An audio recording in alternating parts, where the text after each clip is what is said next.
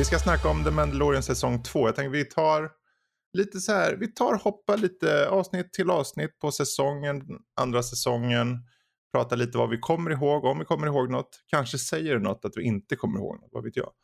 Eh, och sen så framförallt tar vi och summerar lite vad vi tycker och känner och kanske vad vi ser fram emot med säsong 3, vad vet jag. Där, vi hade ju inledningen The Marshall, som är Mm. första avsnittet på säsongen, där eh, Mandalorian, ja, han tar sig till, eh, är det väl Tatooine va?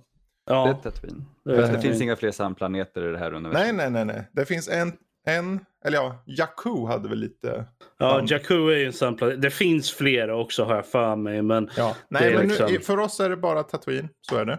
Och eh, han eh, ska ju ta och ta reda på den här uh, armoren. En Mandalorian armor som en uh, sheriff visar sig ha där.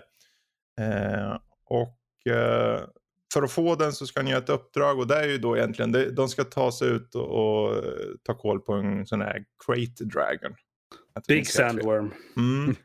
Eh, Jag gillade avsnittet. Jag tyckte det var en stark öppning för säsongen faktiskt. En Mm. väldigt bra öppning. Den Det är liksom det, det är ett där avsnitt som bygger upp liksom. Det, det börjar lite så här, ja, det, det är lite, lite så här, det är inte det är inte så här heavy action eller någonting. Det Mm. börjar bara lite smått så här och sen så verkligen kommer det in i slutet där. Mm. Och bara, Alltså det är Värst- många Tusken Raiders som blir uppätna. Det, det var både kul och lite uppfriskande ändå att se dem få lite karaktär. gångs Ja, jag, äl- jag älskar det att de, de för Tusker Raiders har alltid varit liksom, ja de är bad guys liksom. De är alltid så här, ja, ända från, ända från liksom eh, episod 4 så har de ju alltid varit liksom räknas som bad guys. Men här så får man ju verkligen Mm. se dem som, de får ju mer karaktär. ja, för i och med att han åker ut och pratar med dem, om inte jag minns helt fel. Ja, Mm. precis. Så får man nästan en insikt i någon form av kultur ändå, känner jag. Mm. För han, det är ju de som skickar honom på vägen till den här lilla, lilla byn som Mm. har eh, den här sheriffen då. Så att, eh, Ja, jag menar, det blir ju ändå att människorna och de här Tusken Raiders liksom kommer samman, typ. Mm. Eh, vilket också är lite så här intressant. Nu, nu vet inte jag hur... Jag tror det är Legends material vid det här laget, men eh, i Legends så fanns det faktiskt en Jedi som var en Tusken Raider. Uh. Okej, Han heter Arne. Eh, ja, Arne Tuskan. eh, det, eh, det stavas Arne men det uttalas... Ja, jag vill höra Arne på deras språk. Mm. Nej, men jag tyckte också det var ett bra öppningsavsnitt. Det var, jag Mm. tyckte det var kul just att han, sheriffen spelade Timothy Elephant. För jag såg Mm. samtidigt på nya säsongen av, eller senaste säsongen av Fargo. Där han lämpligt nog också spelade sheriff. Han ser ut som en sån person gör han. Ja, Jag tror jag har sett honom i flera andra grejer också där han också har varit någon form av så här authority snubbe liksom. mm, ja, jag tänker ju mest på, var det Die Hard 4? En sån här cyberbov eller någonting. Ja just det, det är där han är ifrån. Bland annat. Så för mig är det lite så här, för när jag tänker på honom tänker jag, ja just det, han, och sen var han hitman också tror jag. Ja. Fast Det han var ju jag ändå tänkte bra i, i Die Hard 4 var han ju tyckte jag. Han var ju inte dålig, det var mer så att han phonade in det kände jag när jag såg den. Som Nej, jag att, vet inte, jag, ty- det var tycker inte jag, men bara. det är en annan sak. Eh, Ja. Men jag, jag tyckte avsnittet var skitbra och det, men det coolaste grejen i avsnittet är ju när han exploderar ut ur uh, Crate Dragon. Det är det absolut coolaste i avsnittet måste jag säga. ja, Och det avsnittet är när Crate Dragon kommer ut och de har liksom satt upp en Bantha liksom som, som, är, eh, som ska vara liksom bete typ. Och då, istället för att gå för den så går de för eh, Sand, Mm. Sandsnubben istället. precis. Och det var liksom man bara, ja, men självklart, självklart. Ja, ja, det går inte så bra för dem. Men det, till slut så eh, spränger de skiten ur den och, Mm. eh, och så. Eh, och sen så får han armoret och tar sig vidare. Något som jag faktiskt inte visste om när jag tittade på avsnittet, jag läste det senare, var det att i slutet av avsnittet så ser man när de går i, när Sand People när de går igenom uh, carcasset för, från den här Creator, de hittar Mm. en stor Pärla. pärla eller vad man nu ska kalla det. Den är tydligen så här hjärtevärdefull och har tydligen Mm. varit med i Legends material innan också. Jo, den har jag hört också om. Men, eh, det, var just, men det är ju som med mycket i det här avsnittet. Att Crate Dragon, mig veterligen första gången i, eh, officiellt man ser. Ja, den har ju Eh. nämnts redan hela vägen tillbaka i uh, Episod 4. Men, Mm. eh, det är ju... Men det är kul att se liksom. Och den var, jag tyckte den var ganska välgjord. Och, Ja. Alltså, jo, visst jo. är det Nej, men CGI, alltså, men... CGI var ju, var ju väldigt snygg ändå. Liksom. Det är ju, man kan ju inte liksom faulta det tycker jag inte. De har använt Unreal helt rätt. vilket var någonting vi satt och diskuterade när vi såg det. För att Mm. allt är väldigt ofta seamless. De gångerna det inte är det så är det förståeligt, men de gångerna det är Mm. Ja, nej, alltså de, de har ju verkligen... Jag tror, det spe, jag tror det talar mycket till liksom vart vi är i CGI rent allmänt. Är det att även för en tv-serie liksom, så, här, så, så har de ju... Och det är när man tittar på andra tv-serier också som är liksom med, kanske inte lika hög budget som Mandalorian om man säger så. så har också rätt bra CGI. Så vi har ju kommit långt från tidigt 2000 B-CGI liksom. Så att... eh, det går ju verkligen att få, få snygg CGI eh, på the cheap, så att Mm. säga. Så att det, det, är ju rätt nice. Och de har ju verkligen blandat liksom eh, fysiska grejer med eh, CGI väldigt väl, tycker jag. i de här. Jo. Det känns verkligen Star Wars på något sätt. Jo. Det kändes Ehm, Star Wars tills att det började kännas som att de verkligen har sneglat lite för mycket på, okej det är min nitpick, men allting är så extremt hämtat ifrån gamla västern och samurajgenren. mm. Ja, men det är ju det som är meningen ju. Ja, det var ju det är hela alltid- pitchen för eh, serien. Ja, Jo, men jag, jag känner väl någonstans där att det, det, det finns hommage och det finns, nu gör vi bara exakt som vi har sett Kurosawa och, och de göra. Alltså jag tror att det finns ju, det finns ju inflytande såklart, men det, även när man tänker liksom, okej, men det, även när, när man ser liksom man kommer in i den här byn i första avsnittet, liksom, det är ju väldigt western är det ju. Alltså det är He- shot för shot. Mhm. Ja, men det är ändå Star Wars. Ja, Det är liksom det är det jag menar. Även om man känner liksom att ja, nej, det finns ju definitivt kanske lyft direkt ifrån. Men jag menar om man tittar på liksom Star Wars originalt så var det ju också väldigt lyft från, eh, från sånt. Liksom. Jag menar, George Lucas var ju inspirerad av Kurosawa och allt sånt där. alltså, ja, ja, det finns ju inte ett originellt ben i kroppen egentligen. Det är bara att det är snyggt gjort och, och på ett Mm. eget sätt. Mhm. Och det är Jo. det som får Mandalorian att funka. Precis. Ja. fast jag tycker det är lite dumt att säga att det inte är originellt. För jag tänker, för mig personligen så blir det mer som att allt du ser, allt i hela världen, all typ av Mm. film, det finns alltid något du kan säga, men det här kan du se det här, eller här kan du se det här. ja, allt allting handlar om utförandet liksom. Eh, Jo, men det är det jag menar, att, att det det är utfört på ett väldigt bra sätt. Mm. Men, men det finns, alltså som sagt, det är lyft från grejer, alltså rakt av. Ja, men jag, jag tror inte man kan räkna det som liksom att det är ju hommage. Jag säger inte att det är en dålig grej, säger jag inte. utan- Nej, men Det det, var- jag, jag, måste, nej, jag vill bara säga liksom att det, det är ju hommage. Det är ju där det är. Mm. Så att, och man, man kan ju inte säga det någonting Fast det annat. där, Johannes, det där är ju ganska intressant förvisso. Jag tänker om det, om det finns saker som är exakt eh, tagna rakt av. Mm. Då, då blir det intressant för de som har koll på det här kanske. För en Mm. annan blir det, jag har ju ingen koll på alls det. Trots att jag sett mycket av just den Mm. typen av film då. Men ehm, intressant ändå faktiskt. Men det är, det är, man, jag kan ju bara se det liksom som en liten nod till sånt som kom före. Och, jag tycker, och sånt som alla, alla filmskapare har ju sina favoritföregångare så att säga. Och de gör ju all, väldigt ofta hommage till, till dem i Mm, filmen. yes. Även om det är en sequence. Liksom, Men vi, kan, vi hoppar vidare till nästa avsnitt. Eh, hela syftet egentligen var att han letar efter fler Mandalorians Mm. som kan hjälpa honom med barnet. Och eh, i uh, Chapter 9 då, eller säga Chapter 10, The Passenger. ja, då, då får han sig en uh, grodliknande liten alien och hennes ägg. Det är ju säga. komediavsnittet Ja. i säsongen måste jag ju Ja, säga. det är ju lite av en, eh, man skulle säga ett fristående nästan känner jag. För att de åker till den här Ja. och fastnar på den här isplaneten eller vad det var. Ja, Mm. precis. Det. Och sen är det en massa så här spindlar och grejer där. Liksom. Ja, Eller ty- rymdspindlar. Tydligen så var de, är de koncept från vad som skulle vara på Hoth Mm. originalt i femman. Hey, cool. Så, eh, och de har tydligen varit med eller nämnts tidigare i något, i något annat som eh, något annat material, någon av serierna som pågår. Mm. Eller något sånt där. Så de har, de har tekniskt sett varit med tidigare men det här är första gången man ser dem liksom ordentligt. Och de är... Åh. Ja, Mm. exakt. Jag tycker inte om spindlar, gör jag Nej. inte. Rent allmänt. Nej, men det, det här var... var... Nej, jag kröp upp i stolen när jag såg det här. Ja, Jag vill inte vara med. Ja, alltså som avsnitt tycker jag det, det var okej för min del. Men jag tyckte väl inte det var den bästa avs- avsnittet. För mig var det bara en transportsträcka lite så. Ja. Men eh, å andra sidan, alltså. Ibland kan det vara skönt att få en litet avbrott så. Inte för att. Jag menar, för om man, jag tänker mer som att det här är ju kapitel eh, 10 då. För Mm. i framtiden de som tittar, de kommer ju kanske titta kapitel 1 till när nu det Mm. slutar liksom. Mm. Så då, då kanske blir det bra avbrott. Nu var det ju här andra avsnitt på säsongen så det blir inte lika mycket avbrott. Men eh, Jag tror, nej, men jag tror ändå liksom att det var ändå... Det förde ju ändå storyn framåt på ett sätt. Även om det kanske inte var min story. Det var liksom det, hans karaktär fick ju lite mer ändå känner jag i alla fall. Eh, och även eh, lilla Baby Yoda mm, fick ju också lite mer. Det var ju ja, med att äta alla de här äggen och grejer. Det var liksom man bara. ja, just det.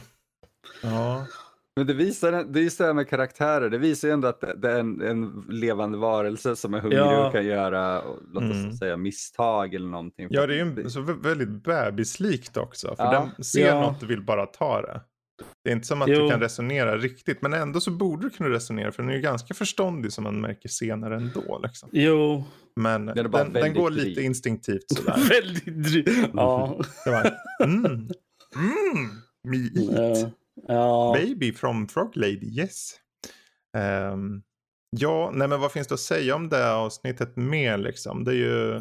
Ja, nej, Det- alltså, det är ett kul äventyrsavsnitt med Mm. lite roliga tillfällen. Ja, och vi, vi har lagt ytterligare en isvärld till, eh, till räkningen också. Precis. Jag är glad att det var is och inte salt i alla fall. Ja. Ja. Jag menar Dave Filoni som en cameo på slutet också. För någon som gillar Ja. den. Mm. Ehm, han var ju den andra piloten där. Wolf det. Dyker ju upp senare också. Trapper Ja. Wolf tror jag han kallades. Mm. Ehm, Det var verkligen så här dd namn Vad underbart. Mm. Trapper Wolf. han är ju tydligen jättefantast av vargar. Ja. Så, Okej. Men det, är- det är ett sånt där lite klassiskt Star Wars-namn också är det ju Ja. faktiskt. Mm. Eh, Så att, eh, jag menar, vi har ju Luke Skywalker så jag menar, Precis. Eh, men oavsett, det blev ju det här brottet på vägen framåt och då fortsatte det till eh, kapitel 11 som är The Heiress. yes. Eh, och får se, den är, får se vilken är det? De, de, de reunitar den här eh, groddamen Ja. med sin eh, man och det var fan, jag tyckte det var lite fint alltså. Ändå. Ja, Det var- liksom att det hände ingenting med henne eller något sånt där. Att, och det var- visade sig inte att eh, han var död eller något sånt där. Utan det vart ett happy ending där. Vart Ja. det ändå, Mm. liksom. och det, det, jag gillade faktiskt det. Det var lite Eh, upplyftande. Ja, och sen att hela skeppet var för- förstört. Men det är ju en annan... Det, det har ju sin skärm också, just att det är så Ja. någonting som vi ser hela tiden bara blir mer misshandlat, misshandlat, misshandlat och sen Ja. lagas av typ rep och Mhm. grejer. Precis. ja. Men det här, Det här är ett bra avsnitt tycker jag. Ja, Ja. Tydligen, eh, jag, nu, jag har ju aldrig sett typ Rebels eller Clone Wars eller något sånt där. har jag inte. Så att jag har inte någon koll på de här karaktärerna som dyker upp här för första gången i live action. Mm. Eh, det är ju, jag kommer inte ihåg vad hon heter nu. Bo-Katan. Bo-Katan, just Det är det. väl egentligen den enda man behöver veta om känner jag. Jo, nej men precis. Hon är ju eh, den... Ja, hon vill vara ledare över alla Mandalorians och Mm. över, ta tillbaka Mandalore. Ja, det här är lore som jag inte har någon koll på. Är det inte. Eh, Ja, men vi kan ändå... berätta det om upplägget här lite kort. Att, eh, han letar ju efter Mandalorians uppenbarligen och de får liksom ledtrådarna att ja, men det finns där borta och så, så han behöver ta en båt. Så han tar lille man med ut på sjöss va. Och sen så Mm. visar att de här eh, sjöbusarna, de kastar ner den lille gossen i, i plurret på båten. Det finns ett stort monster han måste hoppa i och sen stänger de igen det där och försöker ta koll på honom. Ja. Eh, varpå... Release the Kraken. Release the crack. Varpå Bo-Katan och två till kommer till hon, hans räddning liksom. Mm. Ehm, Och de är ju alltså, de är ju Mandalorians också. Precis. eh, Ehm, så jag, jag tyckte det var väldigt coolt Mm. faktiskt. Och sen Ja, att man får en lite mer, det, det gav lite mer djup till hela Mandalorian-grejen också. Där de, när de nämner liksom att, för de tar ju av sig hjälmarna, vilket han aldrig gör. mm, Uh, våran main Mandalorian som jag inte kommer vara på vad han heter nu. Mando. ja. Din, Eh, ja, din, din. Jalin någonting. Ja, något sånt där. I alla fall han. ehm, och det, vi har ju fått tillsagda genom hela första säsongen liksom att ja, nej, men Mandalorians tar ju aldrig av sig hjälmen. Liksom, det är del av deras creed. Typ. Mm. Eh, the way. Eh, och, eh, men, men här så kommer de liksom, de här bara tar av sig hjälmarna och allting. Och de bara, nej men det är inte alls en, en Mandalorian-grej. Det är bara de från, från då de säger att han är en av eh, The Watch eh, Children. Sådana som har blivit upphittade. Så att, Så var att- väldigt, ett coolt sätt att liksom presentera att det finns flera olika, äh, men lite som äh, en religion, att du, du, har kristendom som en grej och sen har du flera Mm. avarter från det. Det var väldigt häftigt att de Ja. gjorde den grejen. Från, från vad jag förstår det som så är de eh, The Death Watch, vilket är därifrån uh, våran Mandalorian kommer. De är typ extremister. Eh, Så att eh, Mm. jag vet inte riktigt exakt hur det, det går in, men de, de är ju de som inte tar av sig hjälmarna och allt sånt där. Så att, eh, men det verkar ju vara positivt på något sätt, question mark. När det kommer till, för att jag menar, de verkar ju ha någon typ av honor system och allt sånt där. Mm. Speciellt med, med tanke på uh, Mandos quest på Mm. med, eh, med The Child och allting. Så, att, Precis. så att det verkar inte vara allt Ja. dåligt. Ehm, men det vill ju här då, eh, han vill ju ha hjälp från dem för att få hjälp av dem så Mm. behöver de hjälp av, från honom då. Det är väl en raid av något slag de ska göra. Ja, de ska är ta över en sån här efter, transport. eh, Ja, för de är ute efter en transport, men framförallt är ju målet för henne att få tag på ehm, eh, The Dark Saber. Yes, Mm. som hålls av han... eh, Moff Gideon. Moff Gideon, Yes, ja. precis. Giancarlo Esposito. Han är överallt. Han är överallt, han är han alltid är en sån bra bad guy. Han är så fantastisk, men vi kommer till honom. Ja, Ehm, vi gör det. Hur som helst, det tar, de tar sig upp i någon slags shuttle och allting och så blir det liksom Mm. fighting och, och allt. Som Typ en av de coolaste, alltså jag måste säga det, jag, jag som inte är en actionmänniska, jag tyckte det, här- den, att fightas på ett fraktskepp mm. är så mycket häftigare för mig än att slåss på typ en stor dödsstjärna. För det är mycket mer intimt, det är mycket Mm. mer risker, det var, det var en cool grej. Men det var, det, hela den sekvensen var ju väldigt cool och så ser man när de bara är liksom, de är lite pinned down och eh, hela grejen och, och Mando bara springer, slänger nice. sig fram. Det, hela, och det, det bästa med det avsnittet, och jag tror att en av de roligaste grejerna i, i hela serien är ju liksom när de blir tillsagda. Ja, vi stängde in dem i eh, last, i eh, last, eh, vad heter det? Typ, eh, the dock eller så här, mellan uh, Ja, där, där, kontrollrummet. där alla kontroller för liksom lastutrymmet finns. Och de är i lastutrymmet. Och vi, lå- vi låste in dem och de bara You did what? och det var direkt så här. Ja, bara det- blåser ut. De var liksom helt rätt skådis där med alltså spelare och man ska säga kaptenen på den där. Och det, vad, heter, vad är han heter? Ta- Typ Titus Vellier. tror Ja, han har gjort mycket uh, Ja, Bosch ja, man känner igen honom. Mm. Exakt. Det är ett ansikte man känner igen. Och, och han, han har ändå sån här uppsyn som gör att man fattar att han... han, han liksom, att Mm. man, man castar honom som det. Ja. Eh, och, och just den delen där när man ändå ser hur han inser, jag vet inte här nu, vad, vad är det som kommer ske? Och sen så ja, öppnas eh, lastbajen där och alla flyger ut. Det var bara väldigt kul. Så definitivt en av de roligaste Ja. grejerna. ja, nej. Jag tyckte bara det var roligt liksom, för de kände liksom man, man, man hörde liksom på på han eh, officeren som liksom hade stängt in dem. Det är lugnt, vi, stä, vi stängde in dem där. Och direkt efteråt så bara Va? Ja, jag, jag tycker om det här avsnittet också mest för att de inledningsvis är de så tydligt olika. De är så mot, mot varandra på vissa sätt. Eh, Mando Mm. mot de andra Mandalorians i och med det som ni pratade om förut. Att det är Mm. två olika, liksom, eh, vad kallas det? Olika segment av Mandalorians. Creeds. Creeds. Ja, precis. jag vet inte, det, det blir sekter eller något sånt där. Ja. För de, de beskriver ju nästan uh, Death Watch som en kult. Mm. Men jag Mm. tänker just att eh, det bästa tycker jag att det är så i början. Men att det blir, du får faktiskt ett ark. Att de på sätt och vis Mm. kommer närmare varandra. Och, och, och sen så liksom, jag menar Bo-Katan håller på liksom och säger ja this is the way, håller på att jävlas lite grann och så. Mm. Eh, men till slut när de är klara med det så är det ändå att det finns någon form av gemensam trust då som har bildats. men Men det- de kommer ju från samma grej. Mm. Ja, det är de- liksom en common ground och Mm. de båda är liksom okej, men this is the way. Och de bara, ja men det är ju det.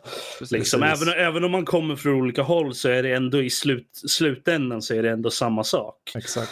Eh, och jag- det, jag gillade verkligen det, för det var, verkligen, det var ju verkligen så här. Jag tror aldrig jag sett någonsin någon form av vad ska man säga, en överenskommelse eller en, en gemenskap uttryckt på ett sånt koncist sätt genom Mm. att bara säga this is the way. Mm. Liksom. Precis. Det är en meme vid det här laget men, alltså, men, men det, just i det avsnittet så kändes Precis. det verkligen liksom att det här var, jo men det är den vägen liksom, som de är på. Hon bjuder ju in honom till, om det är någonting i framtiden, får gärna följa med oss på uppdrag och så liksom. För hon tycker Mm. han är liksom modig och så. Och eh, framförallt så ger hon då info om vart han kan ta sig vidare för att Mm. ge The Child till en jedi som hon säger heter Asoka Tano. Asoka Tano.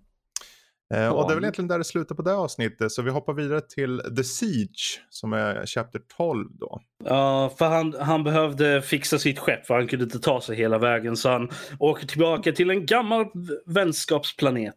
Mm. Eh, där, ja nej men de fixar upp skeppet, inga problem. Eh, men de vill ha hjälp med att ta ut en, den sista typ Imperial Posten som är på planeten. Eh, vilket är, vet inte vad de sa att det var. Jag sa de ett raffineri, något sånt där var det i Mm. alla fall. Ja. Ehm, och de bara okej, ja, men det, det gör vi. Lugnt, det fixar vi. typ. Och, det- ja, just det, de sätter uh, The Child hamnar i uh, skol, uh, skolbänk också. ja. Just det. Och äter typ upp folks makroner eller det Ja, precis. Jävla kul. Så typiskt det franska Ja, jag- inslag. Jag måste säga, det är något som jag, som jag verkligen uppskattar med serien. Är det att du har i, i stort sett varje avsnitt så har du i alla fall ett lite, lite så här humor moment. Mm. Liksom. Lite där man är liksom så här, "Ja, det var lite kul. Så här. Även om det inte är så här sk- ordentligt skratt, eh, att man skrattar åt men det är, liksom, det är lite amusing. Mm. Liksom. Det är lite, lite, chuckle, lättroligt. Ja, Men precis. Det, det mesta av det är eh, det som jag har hyllat Star Wars för och, eh, med humor är just att när, när humorn funkar i Star Wars är den alltid karaktärsdriven. Mm. Ja, precis. Det är någonting du kan se karaktären göra, inte ett skämt. Precis, det är ju en humor som, ut, som kommer utifrån situationen eller från, alltså det jordnära i det. Inte att de tar och kör pranks över en Mm. jävla telekom. Eh, hela, hela Battle Droids-grejerna från, eh, från prequel-trilogin är lite så här, man mm, Mm. lite cringe, lite cringe, men det är alltid, jag tycker alltid det är roligt när man ser liksom så här, vissa saker som Obi-Wans insistent över att han inte tycker om att flyga. Ja. Och liksom, det är alltid, jag tycker alltid det är roligt eftersom han uppenbarligen är bra på att flyga. Så är jag tycker alltid det är roligt. Som på tvåan liksom, när han bara hoppar ur, hoppar ur det här. Han bara, "Åh." Man ser hur Ja. han blir så frustrerad. Jag, jag har en känsla också här, jag vet ju inte vart de kommer ta det men det finns ju en det finns ju en väg att gå, men det är att Ja. i den här platsen så är det uppenbarligen, det, det visar sig ju inte vara bara någon form av liksom produktionsanstalt. Det är Nej, ju också precis. möjligtvis en klonings, eh, eller det är ju en kloningsstation. Ja, det är en research station Ja. och någonting annat är det ju. Och, de, eh, och det är första eh, landet av midichlorians sen prequel-trilogin. På ett väldigt snyggt vis. För jag, jag blev Ja. så här, okej, nämn inte det mer. Men bara, Mm. ah, han har en high M-count. Ja, Oh. jag satt och tänkte på det. Så det var high M, M count, midichlorian count. Precis. Och jag har inget problem med midichlorians egentligen. Liksom, utan det är, bara, det, det är bara hur de har använt det som har Mm. varit lite så här, eh, okej. Um, men jag, jag, gillar, jag gillar idén med att det fortfarande det är någon form av scientific expression liksom. Medan jedis är lite mer så här, ooh, the force. Mm. Ja, Jag jag hade ju det. föredragit om det var mer oh, the force. För om det är i grunden en fantasy, då vill jag ha fantasy. Att jag, jag tror, jag har, min, min teori för det hela är ju snarare att M-count är någonting som uppvisas hos folk som har Mm. Det är mer ett resultat av att jag har det. Sen hur du kan förklara varför du har det, där låter man fan, fantasin Ja. Men. Om vi går vidare till just vad som händer. Det är ju eh, uppenbarligen så har de fått någon form av blod från The Child. Från Ja, det, det fick de ju i första säsongen. Fick Och de ju. eh, eh, den här Dr. Pershing får man eh, se någon recording av om inte jag med. Han kommer ju tillbaka Mm. senare, han var ju första. Ja, det är han som nämner eh, Ja. M-count. Precis. Eh, och eh, ja, alltså de tar ju en sån här stormtrooper transport och drar. eh, eh, och Cara Um. Dune är med och det är en speederbike chase här. De Ja, var den var väldigt- riktigt bra. Nu, Den var jag väldigt bara, bra åh, Jag faktiskt. har väntat på det här. Det där, det där är klassisk Star Wars. Ja. liksom. Det där är, det är, som, det är som taget från typ av New Hope nästan när de, när de håller på och skjuter eh, i Millennium Falcon. Mm. Men det är en liksom. snygg miljö också. Jag tycker den är karg Ja. och, och de poppar. Det är så Ja. vitt och så brunt. Det är Liksom. väldigt, väldigt uh, speed racer sekvenser Mm. från uh, episod 1. Vilket är väldigt bra faktiskt. Precis. Måste jag säga. Eh, Ja, Nej, jag tycker just om det. Det, det är ett kort, litet mysigt avsnitt sådär som, Mm. som står lite på sina egna ben men har en, en grund att du får ett par ledtrådar. Förmodligen vad vi kanske går långt i framtiden men också just hur han tar sig vidare då i, i sökandet eh, av Asoka Tano som han egentligen skulle nå. Det är bara att han måste Mm. reparera skeppet liksom. Ja. Kan, kan vi bara påpeka det att det här eh, avsnittet är regisserat av Carl Weathers. Precis, Som är med i avsnittet. exakt. De är med i avsnittet. Det är Eh, väldigt coolt. Och han, alltså just om jag ska bara nämna de här skådisarna. Jag tycker han specifikt eh, står ut ganska bra. Han är kul. Mm. Vi hade förvisso med den här Mythrol som är den här alien som var med i första avsnittet av hela Mandalorian. Uh, Horatio Suns karaktär som kommer Mm. tillbaka i den här. Eh, han är ju bara en funny, det är ju bara en Mm. funny sidekick kille. Ja. Men uh, Moff Gideon förekommer ju typ eh, om än på slutet om jag inte minns helt fel. Ja. Jag menar, Jo, men min, det- min, ja. Vi har ju sett Moff Gideon i avsnittet innan i en, i en så här eh, sändning och sen så dyker han upp mer här. Mm. Så det är nu han börjar komma tillbaka, Mm. om man ska säga. Ja. Min, min favorit är fortfarande Cara Dune. Hon är... Ja, hon är så Amazing. bra. Jag tycker hon är Um, så... Jag vet inte, jag, jag är lite svårt för henne. Tycker du? Alltså, Ja. för, för jag var väldigt skeptisk till henne när jag insåg att hon var en gammal brottare. Mm. För att jag tänkte... Jag tycker inte hon är dålig, det är bara att de, det finns andra jag tycker mer om, snarare så då. Det, Jag tror att- absolut. jag, jag tror att charmen från henne kommer lite av att hon är, hon är den här stereotypiska no nonsense. Mm. Men hon Mm. har en, det finns ett djup till henne ändå. Vilket jag tycker är väldigt nice. Mm. Det blir Eh, intressant det- att se hur de följer upp på det. Men om vi fortsätter eh, för att komma vidare. Mm. Ehm, hur, som ha, hur som haver, de, de klarar ju biffen här uppenbarligen. Mm. Ja, och det är värt att nämna att, så, vi nämnde ju det att Moff Gideon sakta men säkert kommer tillbaka. Men i första avsnittet, bara för att göra en snabb ho- hopp tillbaka, så slutar ju hela första avsnittet på den här säsongen med att man ser en viss person titta mot horisonten.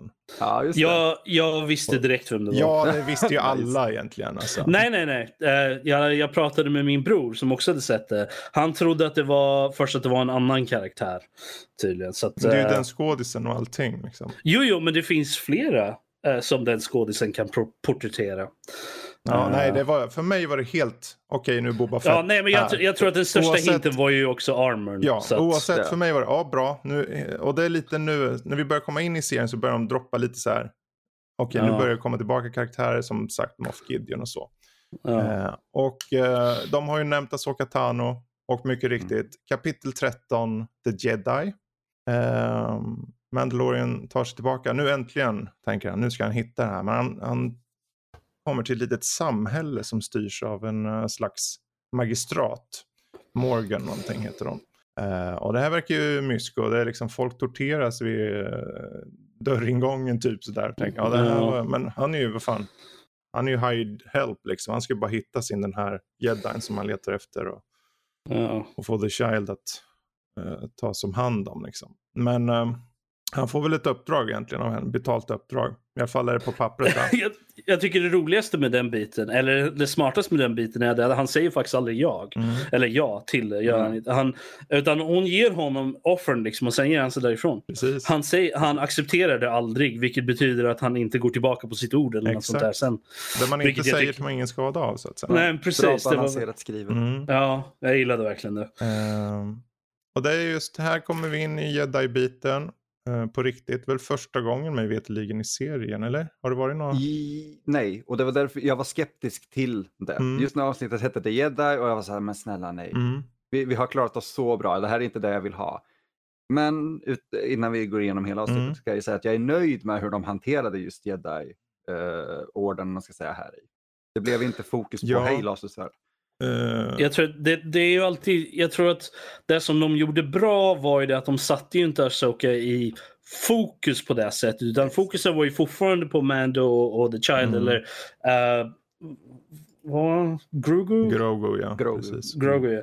Som han, det visar sig att han heter. The Child då.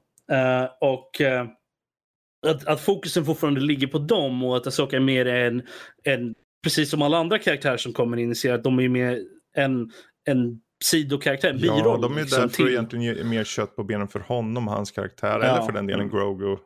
Eh, Och jag tycker det just här någonstans när hon kommunicerar och, och ger lite svar så att säga Ja. på saker och ting så får, ju hon, får man en mer känsla för hur, hur Grogu eller The Child tänker eller känner i alla fall. Mm. Eh, och det fin- jag tycker den är, lite, den är fin på det här sättet, det här avsnittet, just för att du får den liksom, kopplingen. Den blir så mer tydlig då. Eh, så hon blir mer som ett vässel liksom, till att föra den biten Mm. framåt. Då. Eh, sen kan jag, ska jag väl inte slå under stol med att jag personligen tycker att eh, Rosario Dawson alltid är skitbra i det mesta. Ja, det där, hon, hon är Ehm. så bra är hon ju här. Jag tycker hon, hon, vart, hon övertygar mig. Det är förvisso bara ett avsnitt egentligen så. Så jag vill Mm. egentligen se mer innan jag säger. Men jag tycker det var ändå. Hon, hon kändes Ja, vi, solid. får, vi får ju mer i, i Asoka-serien Mm. som ska komma. Så. Eh, Jo, då har vi ändå, det är, för, för någon som inte har sett eh, Clone Wars exempelvis, Mm. så tycker jag ändå att de lyfter fram en, en trogen och redan väletablerad karaktär på ett, väl, på ett nytt och bra sätt för de som inte är bekant Precis. med henne. Men även de som är, jag har sett lite Clone Wars för många år sedan och tyckte ändå att jag vet vem det här är, jag vet vad hon, what's her business liksom. Eh, och jag, väldigt bra. ja, Alltså- hon är egentligen, alltså, på, jag vet inte om hon kan kallas egentligen jedi längre.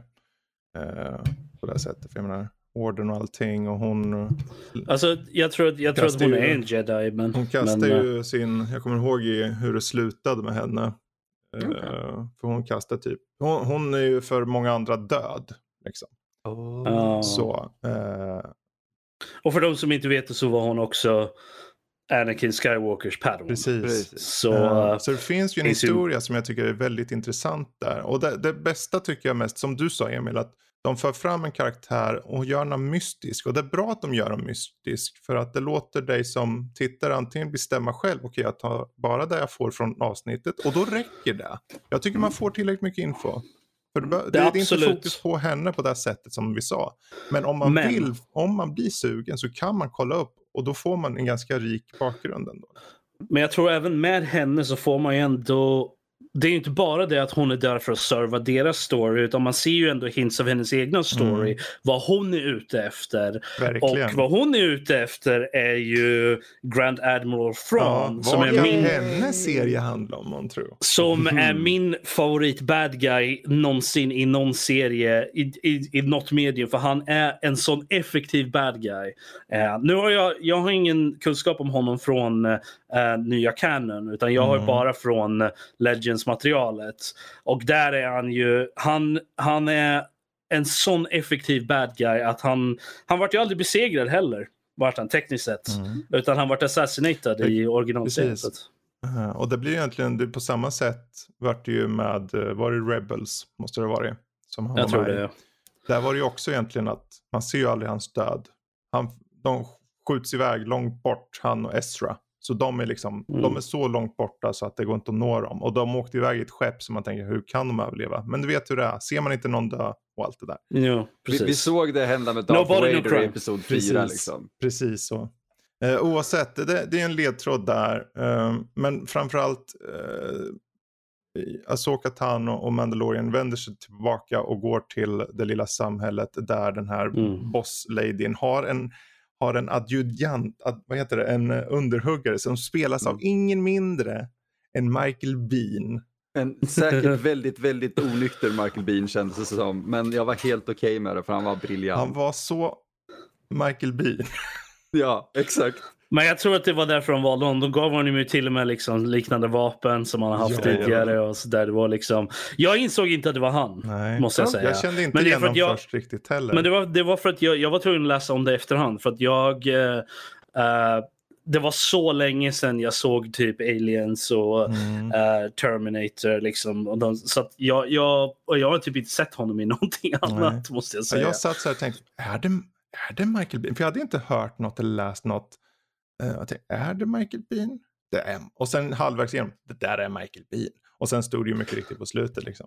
Ja. Men oavsett, han var så här, han var en sån tydlig bad guy liksom. Som han kan, Ja. bara han kan vara på något sätt. Så Jag tror att, jag tror att de gjorde väldigt bra och hon Magistern var också en väldigt bra bad guy Mm. måste jag säga där också. Och den fighten mellan henne och Asoka eh, var väldigt cool Ja. faktiskt. Och jag gillade hur man kunde höra fighten pågå mellan, medan Mando och eh, Michael Bean slogs Mm. också. Så. precis. Jätte- just för att han, när man ser, de har ju, de har ju en, mex, inte en mexican standoff, de har en standoff. Precis. Ja. Eh, och så när de väl lyssnar och så hör de, typ, jag tror det är spjutet eller vad det är, typ, åka i backen. Han säger, ja, det verkar som att din sida vinner.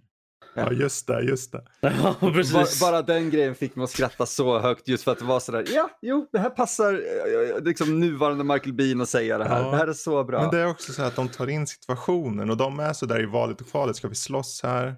Det kommer gå. Hur kommer det gå? Han vet ju lite hur det kommer gå, men han måste ju trixa till Mm. att kanske Ja. vinna på det här sättet. Men nu vart det ju som blev. Han blev skjuten och så dog han.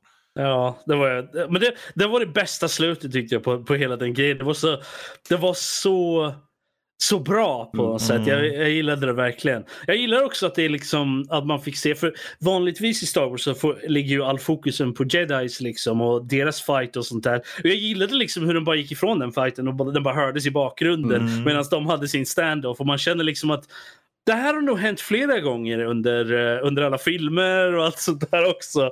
Där liksom jedisna har, eh, har verkligen haft, haft sin fight Mm. medan de vanliga gruntsen står någon annanstans och bara väntar på att de ska bli klara. Typ. Precis. För att se vem som vann. Ja. Eh, Ja, det så var, att jag kände, jag tycker om just te- det var en liten mini-storyline där med att lokalbefolkningen blev kuvad på riktigt, alltså Ja. torterad och allting och så. Det var lite, det var ganska, det kändes lite rått sådär. Jag tyckte om just Mm. stämningen och att hon var så, vad he- hon var ju så, vad he- håll, höll in dunkel liksom, vad heter det? Mm. Eh, alltså Asoka Tano då inledningsvis Mm, och så. mm. Det kändes som att hon var bara en entitet ute i, i dimman liksom som jag tyckte var lite coolt. Sen blev hon Mm. mer mänsklig men Ja, men det är för att de gör, om vi, vi ska inte hoppa så långt fram än, men de gör samma sak senare i serien, men de gör det som en liten en testrund Mm. här. Att funkar det och det funkar riktigt bra. precis. Mm. Plus att det var ju bara det när hon i början steg fram ur dimman man ser bara bju, det var så Det- snyggt bara också.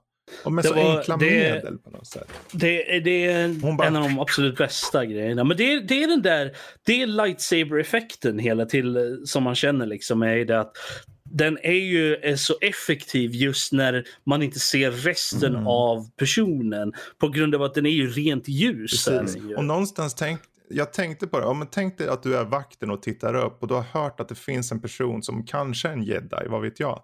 Mm. Eh, och där du ser bara att det blir liksom swish, swish. Det är som att det är bara, det är den här myten om någonting så här, som Mm. bara upplevs så farligt. Jag tyckte det var, och det var en jedi och det är ju den goda sidan. Liksom. Ja. För här snackas Men, det eh, inte om något, här är ju inte som i sista filmen när alla känner till varenda jävla Sith. Som att det är allting som alla känner. Men jag tror att, jag tror att, eh, jag tror att det stora med det hela är ju det att även man, om man tittar på originaltrilogin så är jedis, de är ju nästan mytiska. Mm. Liksom. Folk är liksom så här, ja, men existerade de på riktigt? Var kraften en riktig grej? Liksom? Precis. Ja, för det sa ju Mand tidigare i förra säsongen också. Att han- jedis Ja. liksom. Har Ja. inte hört något Så att, så, att det, så att här är det ju nästan lite så här en, en vålnad Mm. om man ska se, se på det sättet. Precis. Ja, oavsett, Asoka övervinner Elth, Elsbeth som hon heter och eh, får, Mm. eh, vill ha då information om Grand Admiral uh, Thrawn, då. Och Ja. sen så ger hon då den här Beskar-spjutet till Mandalorian, och The Man, Mm. Mando och eh, sen får hon liksom så här, du ska ta dig till det här Jedi-templet på Tython tydligen. Ja. Där eh, Grogu ska tydligen bli, kunna få någon kontakt. Och det är där det slutar egentligen. Eh, vilket I, jag har för mig att i Legends material så var Tython en av de originala Jedi-planeterna där Jedis kom ifrån. Men, inte, men här så är det inte så, för här är det ju Mm. ehm, vad fan heter planeten från sjuan, åttan och nian och vad det nu hette. Ehm, den som Luke är på. Den är ju tydligen den originala Jedi-planeten. okej. Men Titan var i, i Legends här. För jag tror att Titan är med i typ Kotor eller något sånt där. Tror Det jag är nog mycket möjligt. Så att, Men, eh, det, är extra Ja, men extra där tar vi vidare för nu kommer vi till kapitel 14, The Tragedy. Eh, och eh, då är det mycket riktigt Mandalorian, alltså där kan man, man kan ju sammanfatta ganska lätt. Mando kommer till Tython, sätter Grogu på toppen av en uh, berg. Samtidigt kommer Boba Fett dit. Eh, och nu blir det åka av. Och sen så kommer det massa troopers och eh, dark troopers och eh, snor eh, Grogu. Och det är avsnittet eh, i korthet. Ja, men det är så Ehm. mycket mer. Alltså det är så... Fight-scenen i det här Mm. avsnittet är enormt bra. Och speciellt Boba Fett. När han kommer dit och han använder den här, vad fan heter de? De här stavarna som... eh, som eh, man ser verkligen hur det bara boom!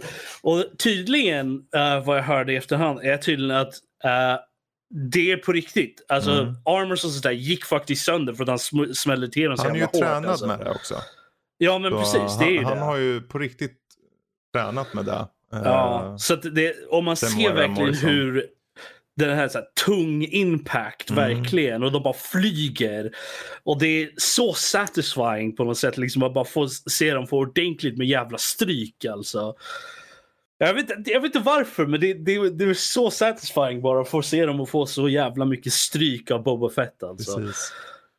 Ja. Ja, nej men det är just där de, att placera den här lilla Child på toppen av berget och medan Mm. han mediterar så blir det en slags protective force field eller någonting runt honom. Så det går inte Ja. att penetrera. Men då eh, Boba Fett kommer och den här Fennec Shand. Eh, Ge- eh, hoppar in bara och säger grejen med att han skulle meditera på toppen på det här var ju det att han, han skulle göra det för att eh, tillkalla en jedi som skulle kunna komma och eh, ta hand om honom. Ehm, Så eh, det, det var därför som han var där. Exakt. Eh, Eh, och ja, det blir ju lite egentligen först lite så här tens mellan dem, så här Mando och Bobba och så. Eh, Mm. Men det blir väl inte lika tens när det börjar komma in två stycken jävla shuttles med Imperial Troops liksom. ja, fucking hell. Eh, och då blir det lite så här, ja men nu måste vi försöka överleva samtidigt och vi måste safea Grogu där uppe på toppen av berget också. Ja, precis. Jag tror att eh, det, är, det är så roligt när man ser eh, eh, Imperiets infamous eh, taktik av att bara slänga kroppar på för att liksom komma vidare. När han kom, kom, commandern för Stormtrooperna bara Get up there! liksom. Det var verkligen så här, ingen, ingen bryr sig inte om livet av Nej. någon av dem utan de ska, vi, ska, vi ska upp där Det bara. var kanonmat alltså, verkligen. Ja. Jag fick lite det här Normandie-landstigningen när jag såg Mm. det här och bara wow, Ja. det här är tragiskt fast kul. Ja, Ja, men det, det visar ju på liksom det imperiets sort of mindset när det kommer till såna här. De har numren för att kunna göra det här, så de gör de det. kör ju på kvantitet bara. Så det är ju det. Jag menar varför, det är Mm. ju bara kolla på dödsstjärnor när det inte finns någon skyddsräcke någonstans. De skiter ju om folk ryker liksom. Eller, eller i eh, den här research-stället. Ja, de... de- nämner ju till och med det att det Ja, inte finns några sådana railing. Då är det också en så här en riktigt trevlig callback. Plus att den där grejen sitter, som jag använder för att stänga av det, sitter runt den där Mm. grejen. Precis som Why- i why dödsstjärnan med they- Why sköld. do they do this on these places? Det är den där alienen vad det är för något. Ja, han, han verkligen så här calling out Star Wars för, för deras konstiga konstruktions... Men det, det måste ju grejer. vara är något med bra. imperiet som bara, de bryr sig inte. De vill bara, om det är något, vi ska ha tio Ja. till sådana där stormtroopers. Ja, men ändå så har de skyddsräcken på andra ställen så jag vet inte riktigt vad poängen är där. Alltså, jag vet Nej, inte. Det, Det är, Star Wars men det är så logic. roligt liksom. Det är en sån... Det är, ja. Ett par, får jag bara ta upp ett par kul grejer Yes. så här, postproduktionsmässigt med Mm. det här avsnittet som slog mig. Uh, därför att jag satt och kollade på uh, Mandalorian säsong 2 tillsammans med han jag brukar filma och klippa med. Eh, och han är riktigt jävla duktig med kamera och ljus. Eh, och han påpekade, är inte ljuset lustigt här genom hela avsnittet? Och vi, vi satt och funderade på det ett tag och kom på det att det här är ju filmat väldigt mycket utomhus. mm. Mhm. Det är inte mycket annat i den här serien, vilket gör att ljuset självklart ser annorlunda ut. Eh, och det är regisserat av Robert Rodriguez, vilket gör ännu mer att då börjar man så här tänka, hur har han använt sina knep eh, för att göra det här så effektivt som man kan? Eh, och det finns vissa, jag ska inte så här ranta på om det, för det är inget, eller ranta är fel ord, jag ska inte vara för exalterad för att det är ingen som tycker det är intressant Jag förutom jag. höra. Men Vi kan ta det efter i så fall. Men, Det är en finns, spoiler. Kör hårt bara. Ja. Nej, så flera saker egentligen om hur, hur vissa digitala effekter inte alls ser bra ut i eh, dagsljus. Eh, som när de två eh, transportskeppen kraschar in i varandra. Mm. Och då var så här, oj, oj, oj, det där, det där hade sett bättre ut i en kontrollerad ljusmiljö. Precis. Men även när de då kraschar så är det ett väldigt gammalt knep. Och det är just det här, okej, nu kraschar de bakom ett berg. Ja, ja, Vi precis. behöver inte animera Men det är, också, någonting. det är också väldigt klassiskt Star Wars är det ju också på något Oh, sätt. ja. Liksom att ha saker Ja. krascha bakom grejer. Jag tyckte ju, för- om man bara säger avsnittet i sig, jag tyckte var, förutom Boba Fett som var fett, eh, så tyckte jag det var ganska svagt avsnitt. Eh, jag, ty- jag tyckte tror det var väldigt platt avsnitt. Och framförallt på slutet, här, jag... jag- blev så här, ah, ja, kommer ju, de kommer ta en rakt framför näsan för det är så uppenbart och mycket riktigt Mm. gjorde de det. Så det var bara en fråga om när de gjorde det och det Det- var, jag, ja. jag säger inte att det här är anledningen, men det känns lite som att det var, okej, vi tar in någon som kan hantera minimal budget för att vi har dyra avsnitt Mm. eh, att sluta med. Mm. Eh, och jag säger det i en positiv bemärkelse, för det här kan inte ha kostat mycket Nej. om man pratar Nej. Det- jag tyckte det nej, kändes jag- lite B faktiskt. Det, Det det är liksom ja. en location bara. Möjligtvis två om man räknar toppen Men det är ju å också. andra men- sidan, och, det är ju karaktärerna som får att hjälpa här. Ja. Eh, Men jag tror, jag, jag tror att anledningen till att det känns lite så här, eh, vad ska man säga, lite, inte svagt men tunt avsnitt på det sättet är det att det här känns som en grej som skulle vara typ i början eller slutet av ett annat avsnitt. Liksom typ Mm. kulmen av ett annat avsnitt men de hade ingenting för det mm. riktigt. Så de var tvungna att få in det här för de hade inte plats för det någon annanstans så de drog ut det i ett avsnitt istället. För jag menar, Mando springer upp mot eh, liksom Grogu två gånger. Tre gånger till och med och blir bortslängd liksom. Jag blev lite idiot på det här faktiskt. Mm. Ja, man var lite så här, Det, jag menar, fattar du inte det första gången riktigt så. Ja, det, det, det var lite så här, drog mig ur karaktären lite Mm, för det kändes liksom som att han är bättre än Ja, det. jag, varför, ställde, han- var, varför tog han inte bara och ställ, gömde sig bakom en sten och bara väntade och försökte... Och sen att, sen att han lämnade sitt jetpack också. Mm. Ja. Det var Men- också en sån här grej man bara... Ja, Vi fick en lönnfet Boba Fett som slog ner folk. Jag är nöjd. också. Ja, och det är just det att de, de eh, när då de här uh, stormtrupperna kommer så blir det som ett löfte att de ska liksom löfte från Boba Fetts sida att de, de, ja men vi lovar att vi ska se efter Grogu då. Men då, Nej, det, det är ett faktiskt löfte Ja, som han det, är- som det är ett säger. löfte Liksom. och då när eh, de faktiskt tar uh, Grogu så, så är ju inte lö- löftet uppfyllt så att säga. Så då måste de Nej. hjälpa till och uh, det får de att ja, gå vidare liksom till nästa avsnitt egentligen då. Plus att äh, Mandos skepp blir äh, sprängt. Ganska rejält också. Det enda han får utifrån det är ju ehm, staven och äh, som överleder för att den är Beskar. Mm. Och sen den här lilla kulan Ja, som... på någon spak av någon slag från, som Ja. Grogu satt och sög på från och till. Typ. det, är alltså, det, det är hans leksak liksom. Men det, sen, eh, jag vet inte, är det också att de hinner ta sig vidare till den här planeten där Mayfield finns eller? Är det i det här avsnittet? Jag tror att det är i början på Mm, nästa avsnitt. Ja, de pratar om det i, i slutet av det här. Att det är det de ska Ja. göra. All right. Eh, Ja, för Ja. då tar vi oss vidare då. För då har vi näst sista avsnittet som är The Believer och då är det ju helt enkelt att de tar sig till uh, Carthon Shopfields. Alltså det är ju bara en stor uh, fängelsehåla liksom. Där, eh, ja. Skogsplanet. ja, som den här Mayfield spelad av Bill Burr av alla.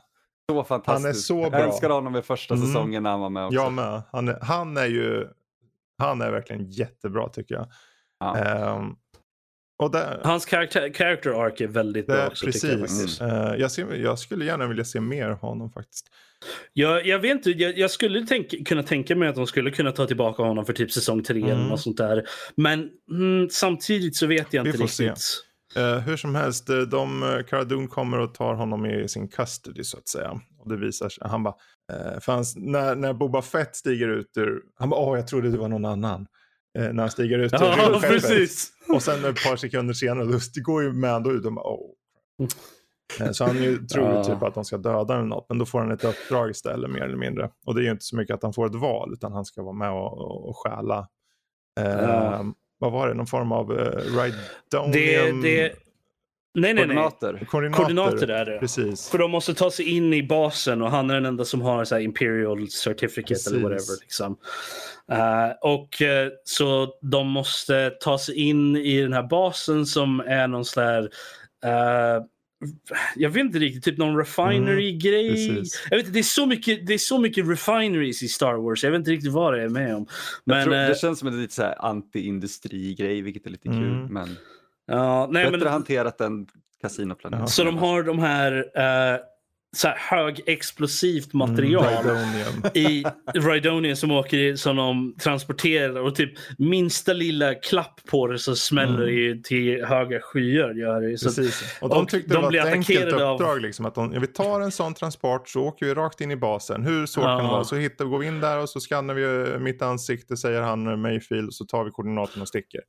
Mm, ja, eh, såklart är det typ så pirater eller vad man ska kalla det som finns. Några det är ju invånarna på planeten Mm. så vitt jag förstod det som. Så de är ju typ rebeller Exakt. då. Måste Som-. Som börjar attackera och ska spränga alla de här grejerna i, i ordentligt. Så, så Mando måste upp och, och slåss ovanpå den här så de inte kan spränga Mm, den. och får inte köra för Och- fort heller. Och... Ja, nej precis för då kan det överhetta. Man blir Mayfield lite så sitter här, och skriker liksom. Vad är det här för design? Liksom? Det, det är typ en av de roligaste grejerna egentligen, just när de har tagit den där fraktbilen där och så Ja. ser man först en explosion längre bort och bara oj vad är det som pågår? Sen så Ja. hör de via radion och så ser de en explosion till närmare och bara Ja. nej. Jag tycker det här avsnittet är en, för mig en av de bästa i hela, nästan hela serien Ja, ja. faktiskt. För Oh ja. Det är Dels väldigt bra. så får du liksom, eh, som Mayfield ställer frågor kring just who are the good guys. I slutändan är det liksom, du, Mm. du kommer till en planet och då blir du bara liksom utnyttjad. Och så är det liksom för alla i universum känns det som. Och det finns många poänger där. Och sen också när de väl tar sig in. Och någonstans tänker jag när jag ser de här imperierna, soldaterna som står och klappar dem för att de gjorde så bra att de överlevde som sista liksom. Mm. Så tänker jag, men de är ju också människor liksom. Eh, Jo, precis. ja. Sen träffar du den där boss-snubben som är, Richard Brake! och han är nog den elakaste elakingen som finns i ett par el, elaka Ja, men han, skor. han är ju den stereotypiska imperieofficer. Och det känns ju liksom som att vanliga grunts i imperiet, de är ju liksom vanliga människor Mm. bara. Men de som når så här han måste vara ruthless. de- liksom. De är verkligen det. För det ser man ju på typ alla sådana eh, som är i den positionen. De är verkligen så här ruthless. Är de ju. Men det är ju liksom, det, det är ju hela den här nazistjämförelsen som Mm. imperiet är. Att, att eh, det finns stormtrupper som är människor. Kom igen, namnet stormtrupper. Jo, Exakt. nej men Det, precis. det är ju uppenbart. Eh, men sen har vi då generalerna och de här Mm. överhuvudena som är de riktiga kräken. ja. Och jag tycker han, just Richard Brake som, som för många eh, skräckfans eh, är väldigt bekant för han har varit med i mycket Rob Zombie-filmer och sådär. En fantastisk skådespelare. Här dyker han upp och spelar kanske den värsta skurken av alla han någonsin, någonsin har Mm. haft.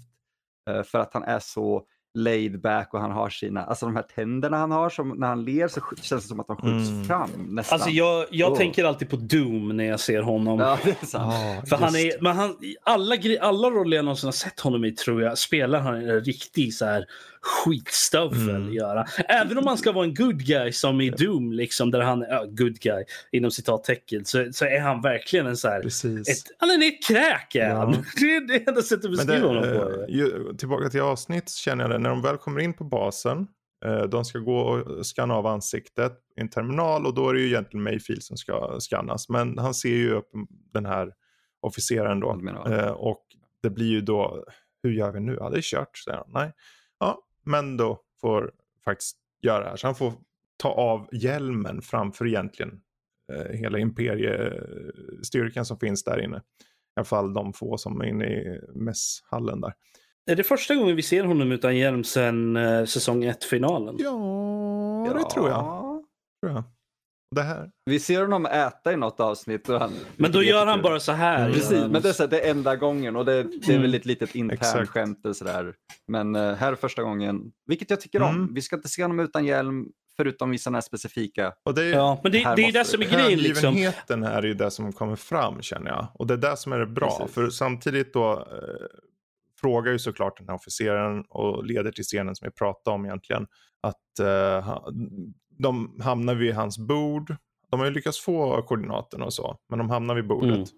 Uh, och Mayfield sitter ju där och Mayfield är ju en före detta liksom, soldat. Så nu kommer det fram så här saker om liksom, soldater och civila som dog i en Operation Cinder.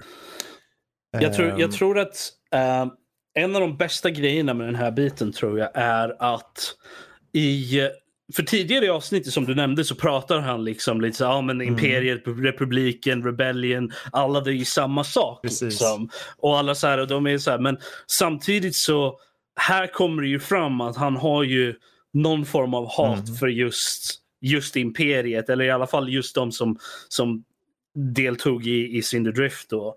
För det är verkligen så, för han verkar ju liksom så här lite som en, en så typisk tjuv typ. Att han, ja men vi alla sidor är lika dåliga, ingenting liksom. Jag är inte, I don't care about either Mm. liksom. Men här så får man ju verkligen se liksom hans sanna färger eller vad man nu ska säga. Och det är väldigt, väldigt bra gjort måste jag säga. Ja, jag menar det är just att de belyser, lyckas belysa, för han var ju imperiesoldat då. Mm. Så att han representerar ju samtidigt imperiet också på sätt och vis. Mm. Så att det, det betyder att det finns människor som faktiskt tänker på saker. Liksom. Fungerande stormtroopers må springa Mm. fram och skjuta helt fel hela tiden. Men det kanske finns några som faktiskt är okej. Och även om de försökte utforska det så jävla uselt i den nya Disney-trilogin. Mm. För de tog aldrig hand om det. Men här Nej, finns ja, det, nej, bara precis. i den här biten gav I en dialog. så mycket Ja, mer än hela. Disney-trilogin. Och det tycker jag det är starkt Mm. i sig. Oh, ja. Um, oavsett, de bara skjuter Hess, som den här uh, officeren heter. Han, han bara pratar, pratar och säger så mycket skit. De bara skjuts. Bara, Mm. och sen blir det ju... Jag, jag gillar verkligen den biten att han verkligen bara inte kan hålla sig längre för han är så full av, av liksom den här ångesten Mm. och vreden liksom över vad som hände honom och hans kamrater. Precis. Att, och, den här, och den här snubben sitter där och säger att det kallar det för liksom en stor seger eller vad man nu ska säga. Mm. Ja, och vi skulle ha mer Cinderdrift liksom. Och han är verkligen så här, nej den här skitstöveln ska inte leva längre. Exakt. Och det är ingenting som man riktigt ser i mycket, liksom, i alla fall inte i Star Wars. Skulle jag vilja påstå i alla fall. Men jag gillar det verkligen för den här är ju lite mer grey, moraliskt Mm. grå serie är den ju. På många, många punkter. Mm. Men den är ju där och väldigt Star Wars. Alltså det finns ju en svartvit. Jo, så den- det är bra. Det är en självklart. perfekt balans än så länge. Um, Ja. Oavsett, de flyr. De spränger istället till hus och helvete. Eh, Ja, och två. TIE fighters ger sig efter dem. Och eh, Boba Fett kommer in och skjuter dem, liksom, om jag minns rätt. Ja. Han spränger dem med en sån här... Seismic charge. Ja, vilket från mig tvåan. s- Ja, och det gjorde mig så lycklig. Ja, att, jag att typ med. En av, en av få grejer som var bra från prequelsen Mm. används en gång här. Perfekt. Jag, jag, jag, så fort jag såg den liksom klicka ut så jag bara Ja. åh, åh, det är- det är Seismic Chargen. och det var ju så bra gjord också. Det är exakt samma ljud och Ja. explosion Mm. liksom. Och det, och det bara, åh, så Verkligen. bra. Men sen eh, saken är biff och de, Mayfield lämnas. Eh, på, han får gå fri då som tack. Mm. Och det, man märker att det formas band. För hela avsnittet är ju den här snacket mellan Mayfield och eh, Mando när de åker tillsammans. Så att man märker att sakta Mm. men sagt, för han är ju ganska reserverad på sätt och vis Mando. Men det känns som att de på riktigt, och sen särskilt då i och med att Mayfield är ju han som ser hans ansikte. Mm. Vilket Och han säger ju till och med att jag såg Exakt. ingenting. Så Liksom. jag, tycker det, jag tycker om den dynamiken de har och just vad det innebär Mm. som karaktärer där. Eh, väldigt, Mm. väldigt mycket faktiskt. Eh, men, Men det, är- det är därför jag skulle kunna se honom komma tillbaka. För att de har nu någon form av kamratskap nästan. Speciellt som Mm. man låter honom leva i slutet. Liksom. Och inte skicka tillbaka till den här penal colony som han var på. Ehm, men samtidigt så känner jag liksom, jag känner lite att hans character arc, han, hans karaktär är Ja, färdig det skulle nu. vara, det, Så- precis, så- det räcker så- också. Det, det är lite så här, ja han skulle kunna komma tillbaka, det skulle vara Ja, okej. gör det men samtidigt liksom. så, ja precis, men samtidigt så är han Mm. färdig nu tycker jag. Oavsett, det hela avsnittet slutar med är ju att uh, Mando skickar en slags meddelande, eh, om jag minns rätt, till Mm. Moff Gideon. Som han liksom säger, jag kommer för att hämta Grogu. Mm, precis. Eh, Och det, det, tydligen så är det nästan exakt samma sak som, han skickade, som uh, Moff Gideon skickade till honom i säsongen. mhm. Ja, för han skickar i princip, du har ingen aning om vad du har här. Ja, och precis. Mando gör samma Precis. sak fast med Ja. en annan grej. Vilket för oss in till sista avsnittet för säsongen som heter The Rescue. Um, Mando och Cara Dune, de boardar ett, en shuttle och fångar Dr. Pershing. Eh, efter lite om och men när någon jävla soldat där bara skjuter sin kamrat och sen kävlar emot och får ett skott i pannan. Typ. Ehm, Ja, och man får också reda på uh, uh, Cara Dune. Det, är här man får lite mer, en, eh, Mm. lite mer insikt i Cara Dune också i och med att hon är från Alderaan och eh, att hon har tår som- rebellsymbolen är ju det att, eh, är för minne av Alderaan. Vilket jag, jag gillar det som en liten nice touch liksom. Mm. Så här. Eh, och eh, vi kommer i kontakt också med Bo-Katan, Oscar Reeves vid en kantina. Och det blir en liten uh, fight mellan en av de här och Fett. Som också med, han är ju, han är ju så jäkla... We don't need these people. Liksom så här. Ja. Och de, ja, men de behöver ha så mycket hjälp de kan känns det som. Men Fast å andra sidan, det är ju märkligt egentligen. Men då borde ju, varför tog de inte bara hela jävla... Jag vet inte vad alla Man- Mandalorians är riktigt. De kan ju fått säkert med fler. Men oavsett. Eh, de får ju med sig dem för Bo-Katan vill ju ha Darksabern då som Gideon har. ja, och säger ju eh, direkt ut att eh, Gideon is mine. Mm. Liksom. Precis. Eh, och eh, ja, den här Pershing, Dr. Pershing, han varnar ju då att eh, cruisen som de ska till har Dark Trooper droids då. Vilket de egentligen vet kanske.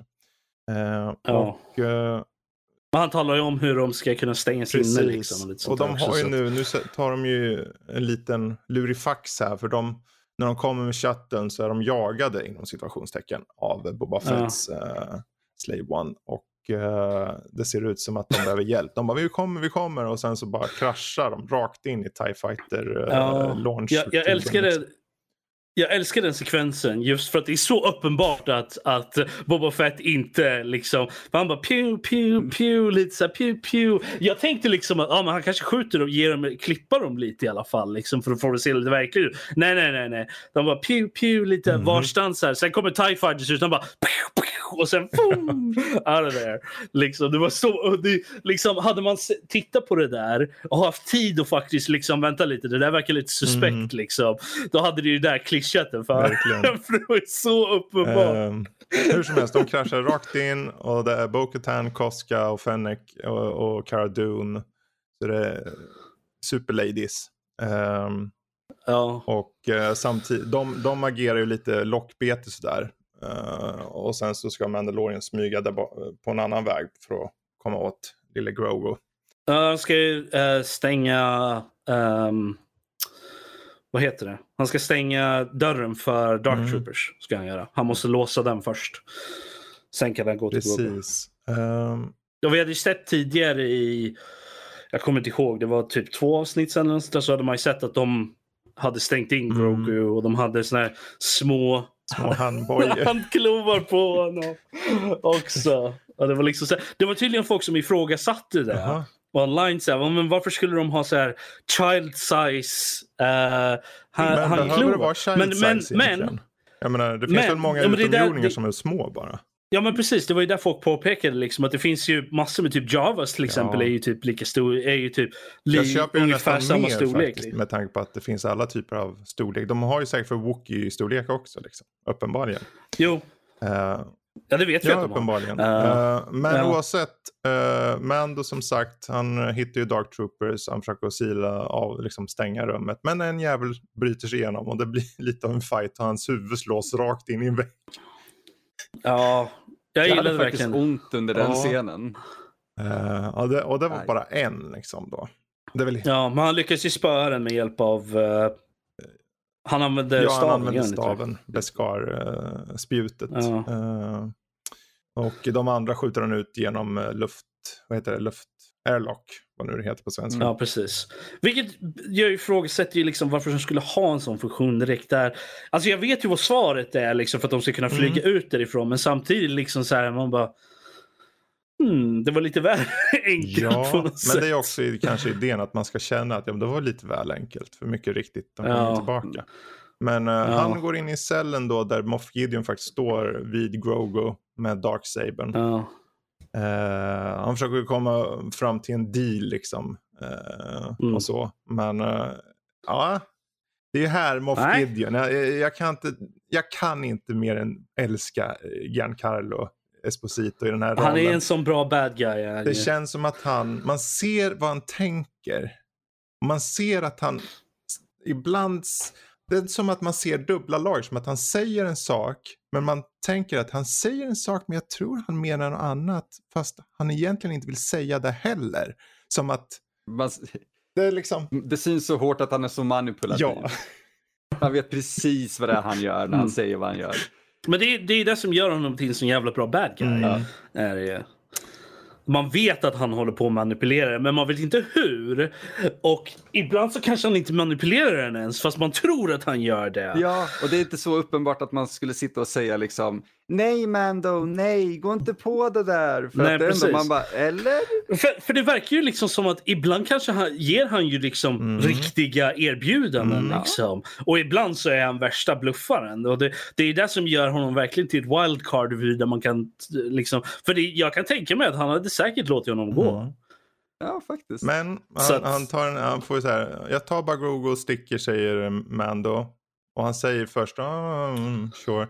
Men ju fort han vänder ryggen till så bara, då svingar han sin, light, eller sin uh, Dark Saber och sen så blir det en fight. Mm. Och alltså sure, Giancarlo är ju inte den här, han är ju inte, han är ju till åren. Han är inte kanske en uh, vigaste, men jag tycker faktiskt den fighten var bra.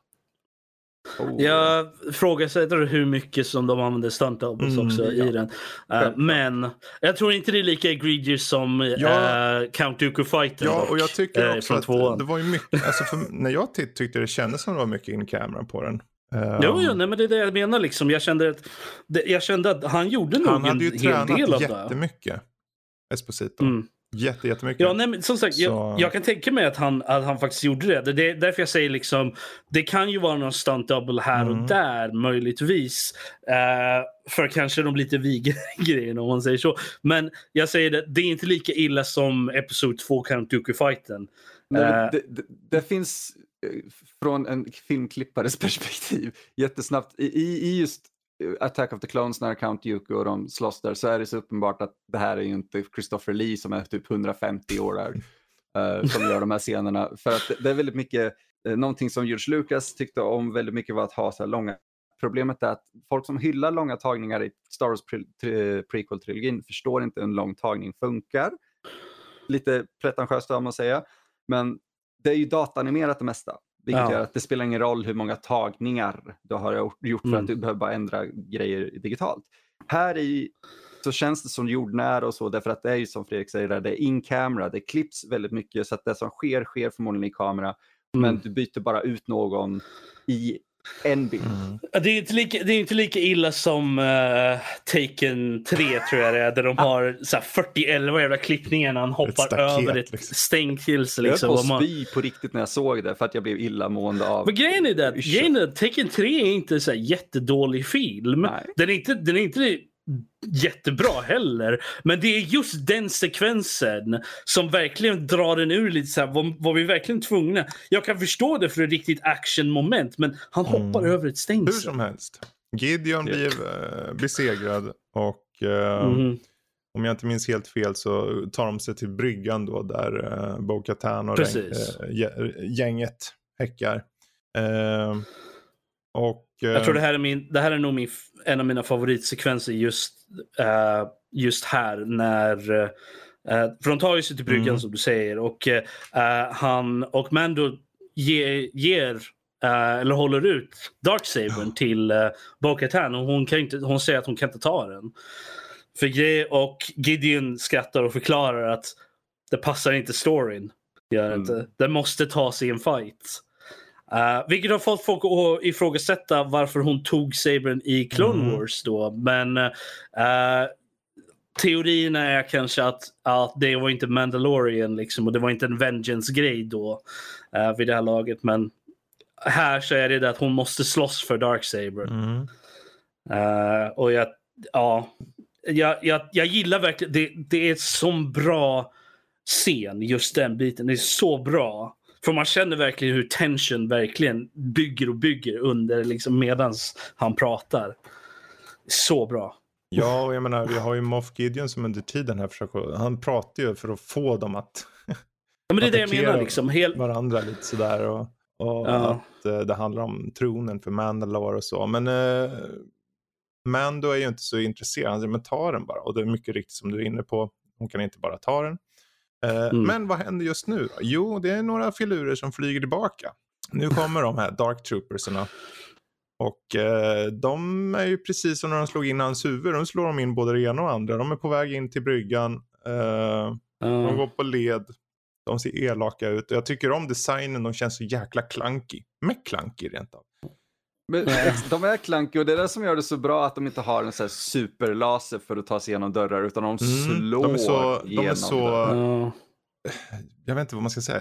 Brute force, force precis bara. så. Ja. De, är, de är vad Battle Droids borde ha varit känner De jag. bara manglar sig igenom Ja. saker. Jag tycker om det. För det känns som Ja. att när de får tag på en. Då kommer de bara slå bajset ur en. Liksom.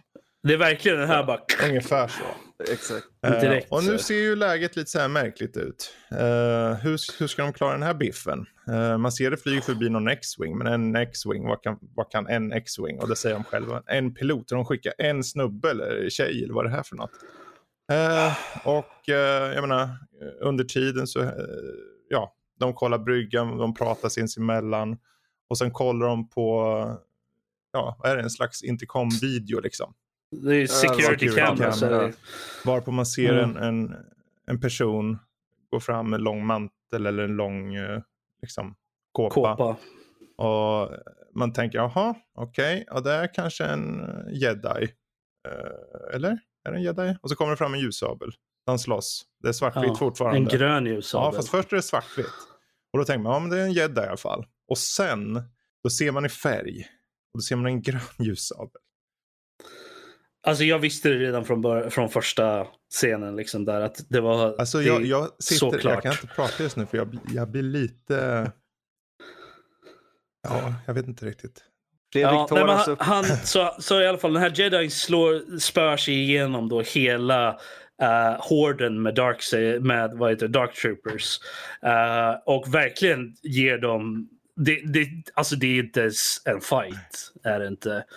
Och eh, kommer hela vägen fram och uh, Mando väljer att släppa in honom Mm. till bryggan.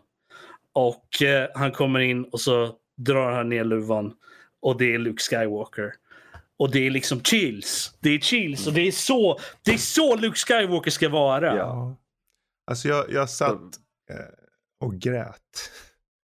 På riktigt. Mest, och då, ändå satt jag, jag menar, det var en, du vet hur det är man sitter i stunden. Mm. Man, man bygger upp sig själv med att är det, är det. Och Mm. Ja, alltså när han väl kommer och tar av sig liksom, luvan, ja det är CGI.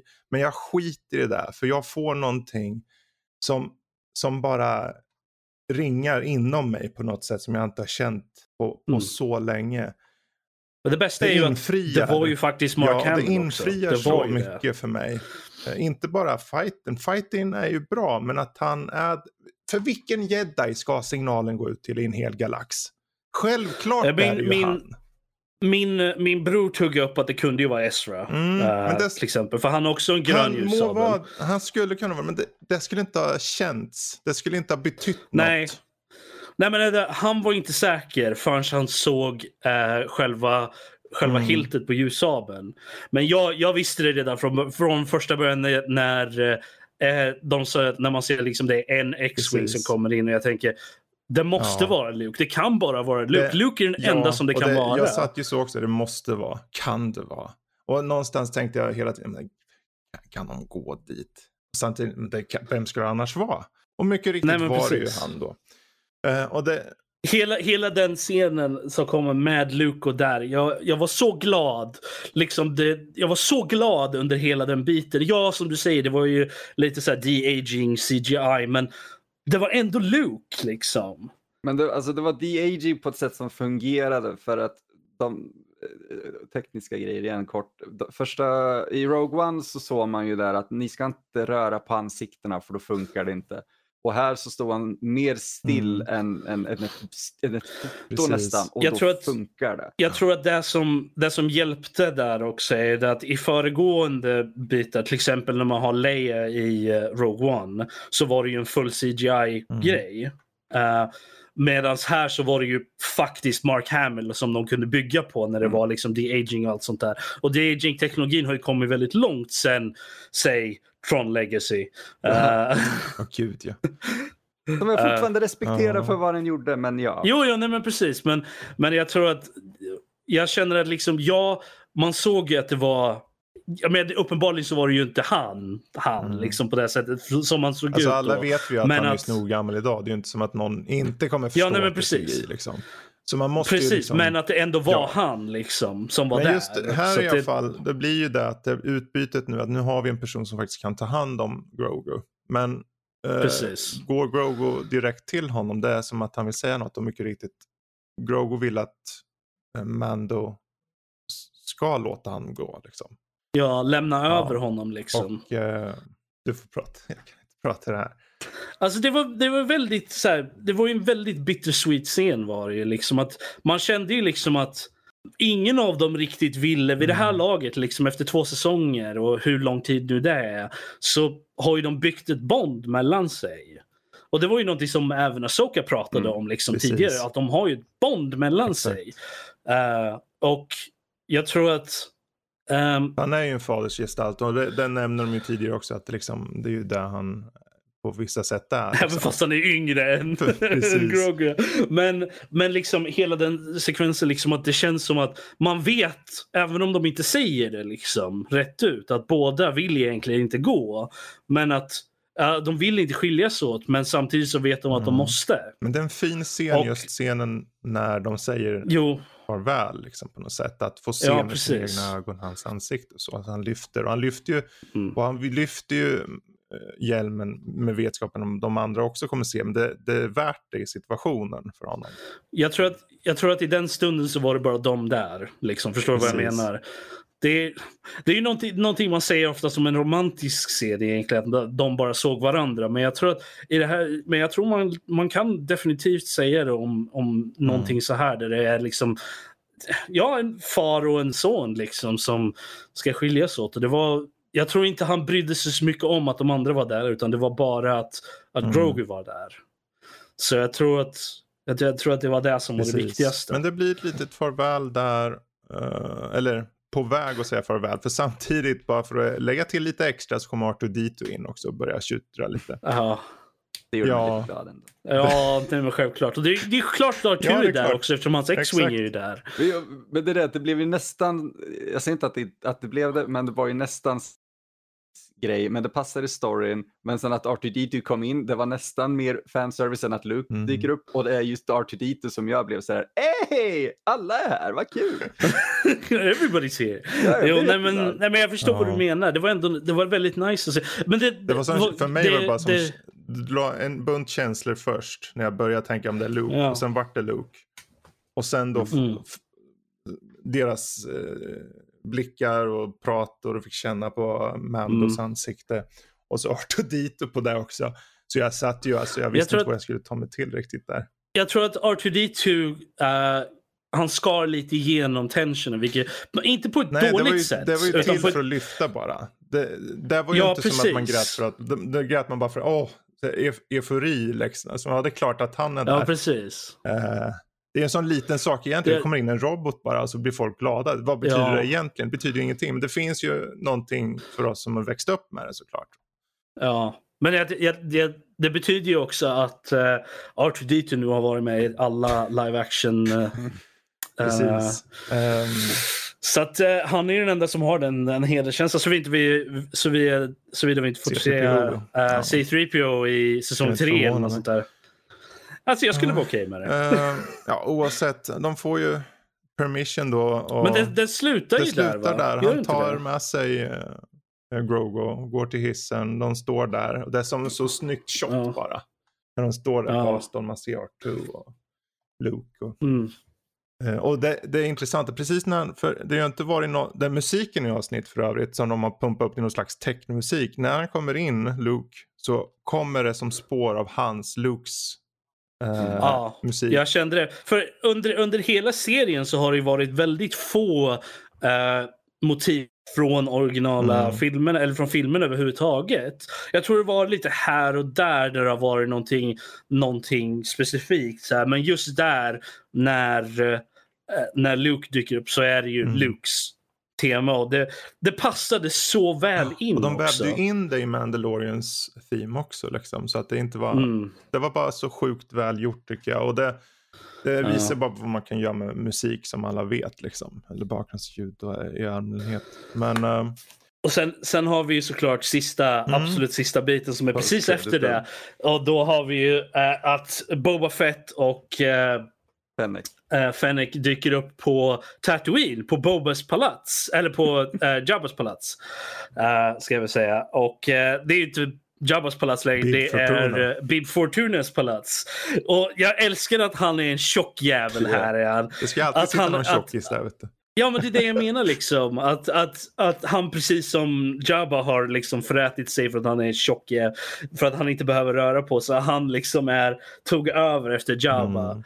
Liksom. Jag tyckte det var så roligt och sen får han ordentligt med stryk från Boba stryk, Fett. han blir bara skjuten ett par skott och så är han död. Liksom. Ja, men det räcker. och sen sätter han sig lite coolt på tronen och så blir det liksom, ja. Och Fennec tar sin drink efter bakom. eh, Så det. Tydligt så står det på tronen längst upp där så står det tydligen Boba Fett i eh, någon form av Okej. text där. Så att det var, alltså, det var ju någonting som Boba de bara Fett, lagt in. För. Eller Boba. eh, Ja. Vad den heter. Nej, Book of Book Boba of Fett Boba- är det. Boba Fett. Som kommer i Ja, december vilket 2021. Um, Så att, eh, oavsett. eh, folk har ju Ja, ifrågasatt för, för mig, om det är jag- säsong jag tre fun- eller inte. Jag, just, jag satt och funderade så här i efterhand. Hur kommer det sig att jag fick den här reaktionen som jag fick? Eh, när jag försöker kon, kon, För vad egentligen, jag tänker, jag vet inte. För vem som helst så kanske inte betyder något särskilt att Luke kommer.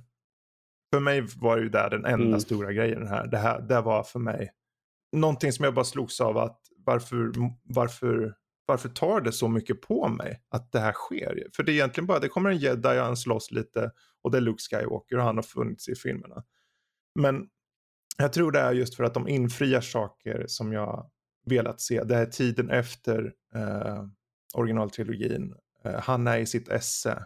Eh, han är ju den, i, i, i hjälte, vad heter det, The Hero's Journey, liksom upplägget som är fantasy, alltså i originaltrilogin, så är det så tydligt att han var ju din, liksom, han var ju den jag ville vara. Avatar liksom. Eh, och Ja. han växte upp i den. Och här är han i sitt esse och så får man se det. Så för mig var det så emotionellt så jag visste inte riktigt varför. Tills jag kom på att ja, men det, det är bara att de infriar saker som jag har väntat så länge efter. Liksom. Eh, och det, det var oväntat starkt. Jag trodde inte, för jag, visst, som ni sa när han, man ser att det kommer en jedi, och det måste ju vara Luke, vem annars skulle vara. Och så börjar jag känna då redan att det börjar klappa liksom. Jag börjar bli så här hjärtklappning för mig. Visst, det tyder lite på att man är supergammal och att man var med och liksom på 80-talet satt man där framför tvn och tittade på de här VHS-banden i 7000 gånger. Så att det, Det var inte bara på 80-talet, hör du, ska jag tala om men för, för mig var det som mest då liksom. Och det är liksom, det Ja. pränta in alla de här miljöerna och just han som karaktär. Så, eh, R2, alltså, Alltså, jag- robotarna skiter jag fullständigt i om jag ska vara helt ärlig. Ärligt talat, de är ju bara robotar. Men det är ju Lukes re- Mm. Men de har Ja, ja, personlighet men det är. Lukes resa som är stora och det är därför att resan Ja. visar här vart det nådde någonstans när han är i sitt esse.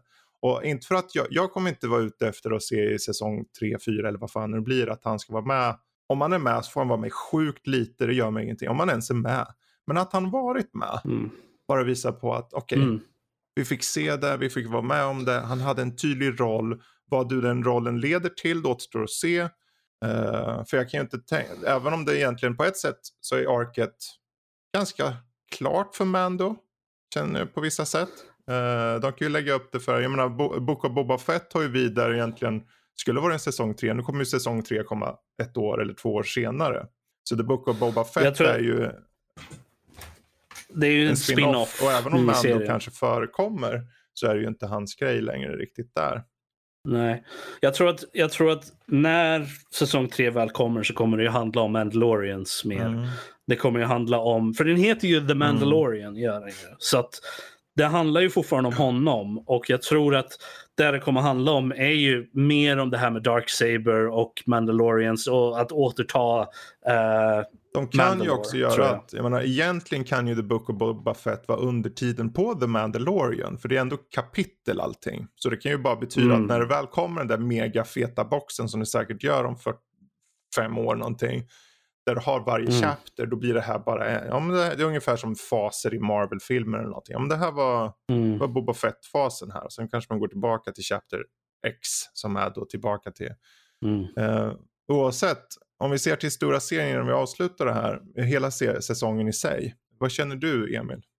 Jag tycker det är en stark fortsättning på någonting som eh, svepte undan fötterna på mig.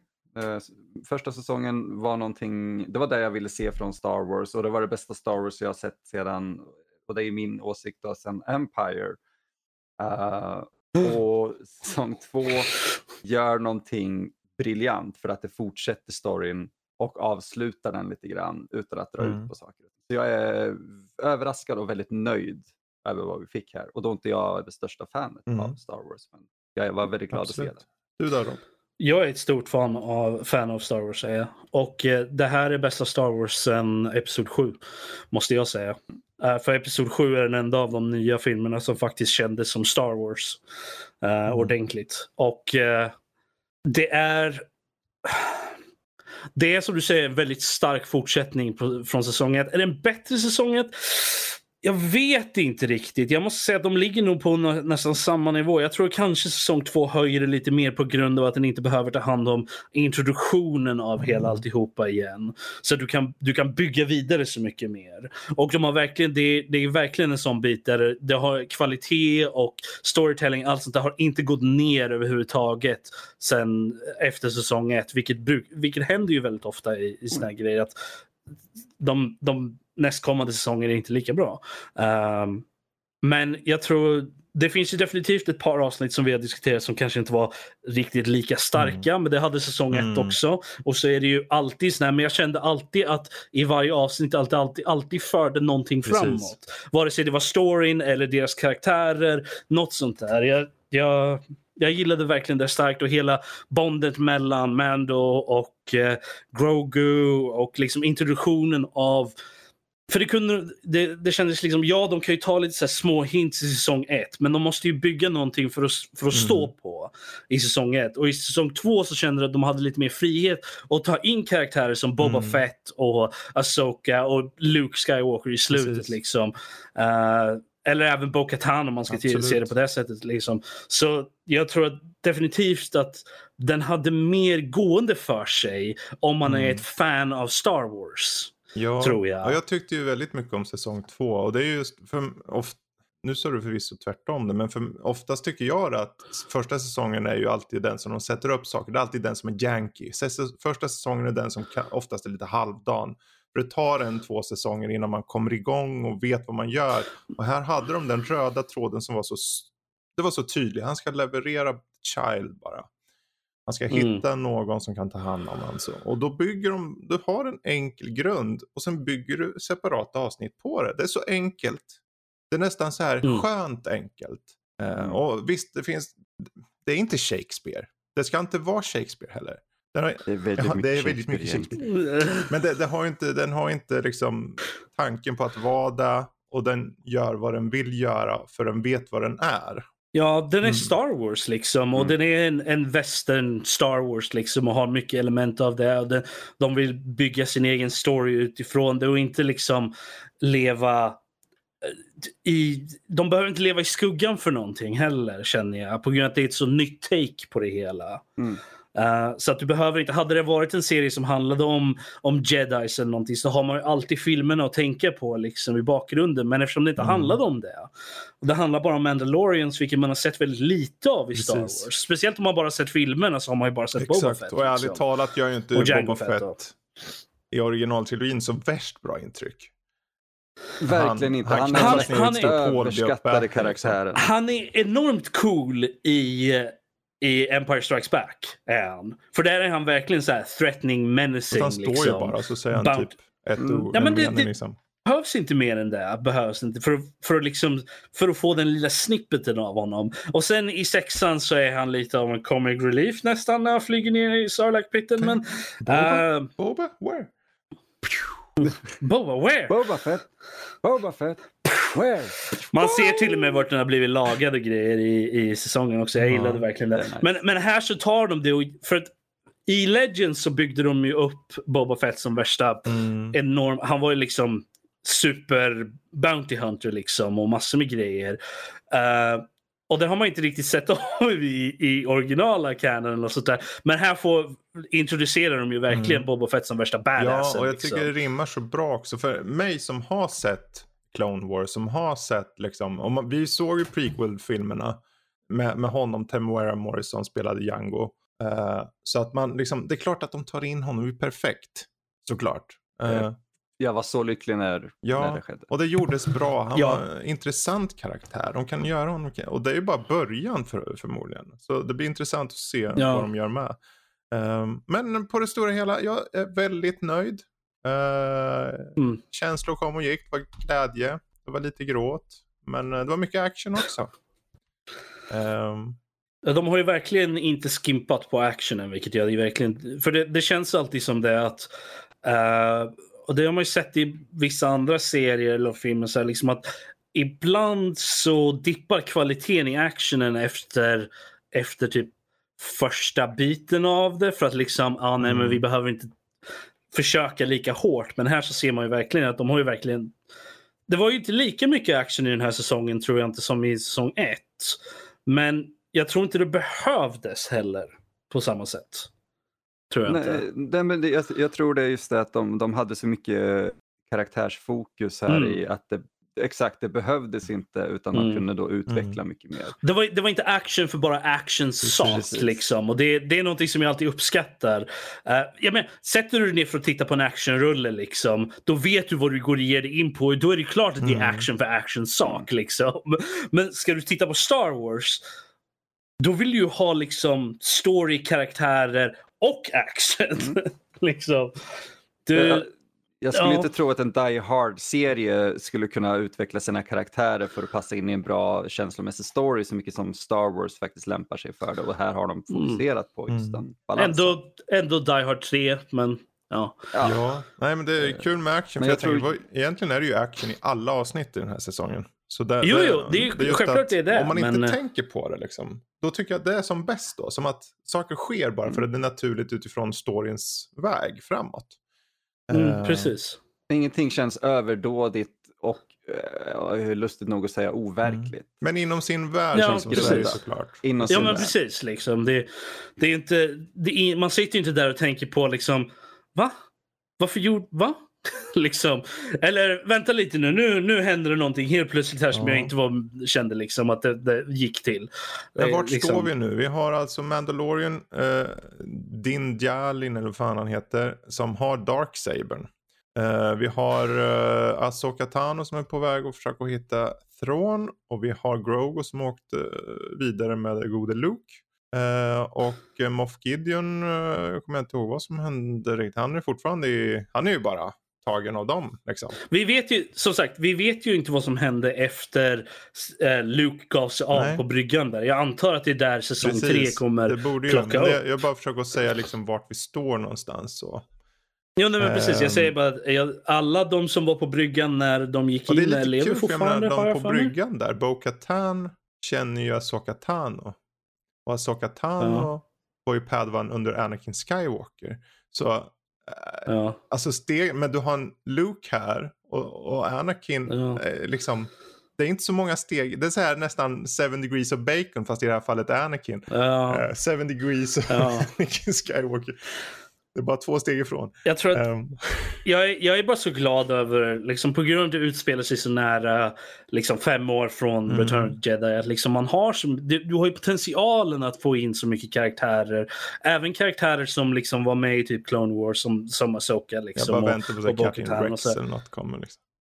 Jo men precis, det, för dem det är ju fortfarande möjligt att de Mm. lever. När man tittar på, på sequel-trilogin liksom, så känns det liksom att man måste dra en ganska stor stretch egentligen för att folk som levde vid, eh, som var liksom fullvuxna vid Mm. Clone Wars, att de fortfarande skulle kunna leva i, vid säsong 7 och så, eller vid, vid episod 7 liksom. Så att det, det finns en så stor stretch där, men att här i, i Mandalorian och i de serier som utspelar sig under samma Ja. tid. Det finns ju så mycket potential att få in karaktärer som folk tycker om från till exempel animerade serierna eller något sånt där som Det kan komma tillbaka och vara med och det är ju... Jag, jag vill inte, för de hintar om de där jävla klonerna där på, i ett avsnitt. Jag vill Mm. inte de går Mm. mot kejsaren. Jag vill inte ha det. Jag vet att de säkert försöker fylla ut det.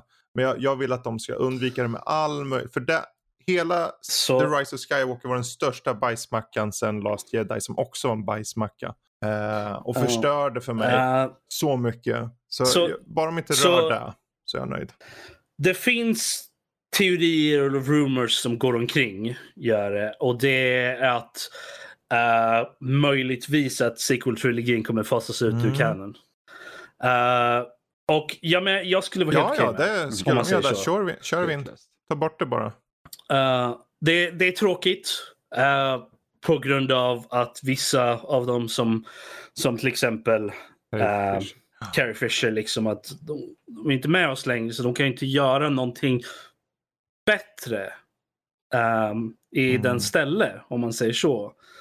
Ehm, men att det, de filmerna, är, förutom sjuan som jag fortfarande fasthåller är Star Wars. Mm, den är det. okej faktiskt. Det enda, jag tycker bara inte om Kylo Ren. Han är en... Jag ska inte säga ordet. Ja. Men, eh, Men i vilket fall som helst, det är den enda som känns Mm. Star Wars utav de tre filmerna ordentligt. absolut.